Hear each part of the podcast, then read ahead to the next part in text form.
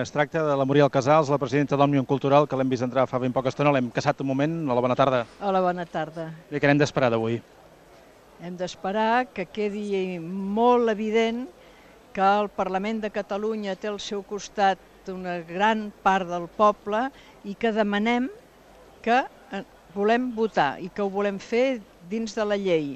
I en primera instància ho volem fer dins del marc legal espanyol i ho provem som tossuts i no perdem mai l'esperança de que, com sabem que hi ha molts demòcrates a Espanya que voldrien que poguessin votar dins del marc eh, espanyol.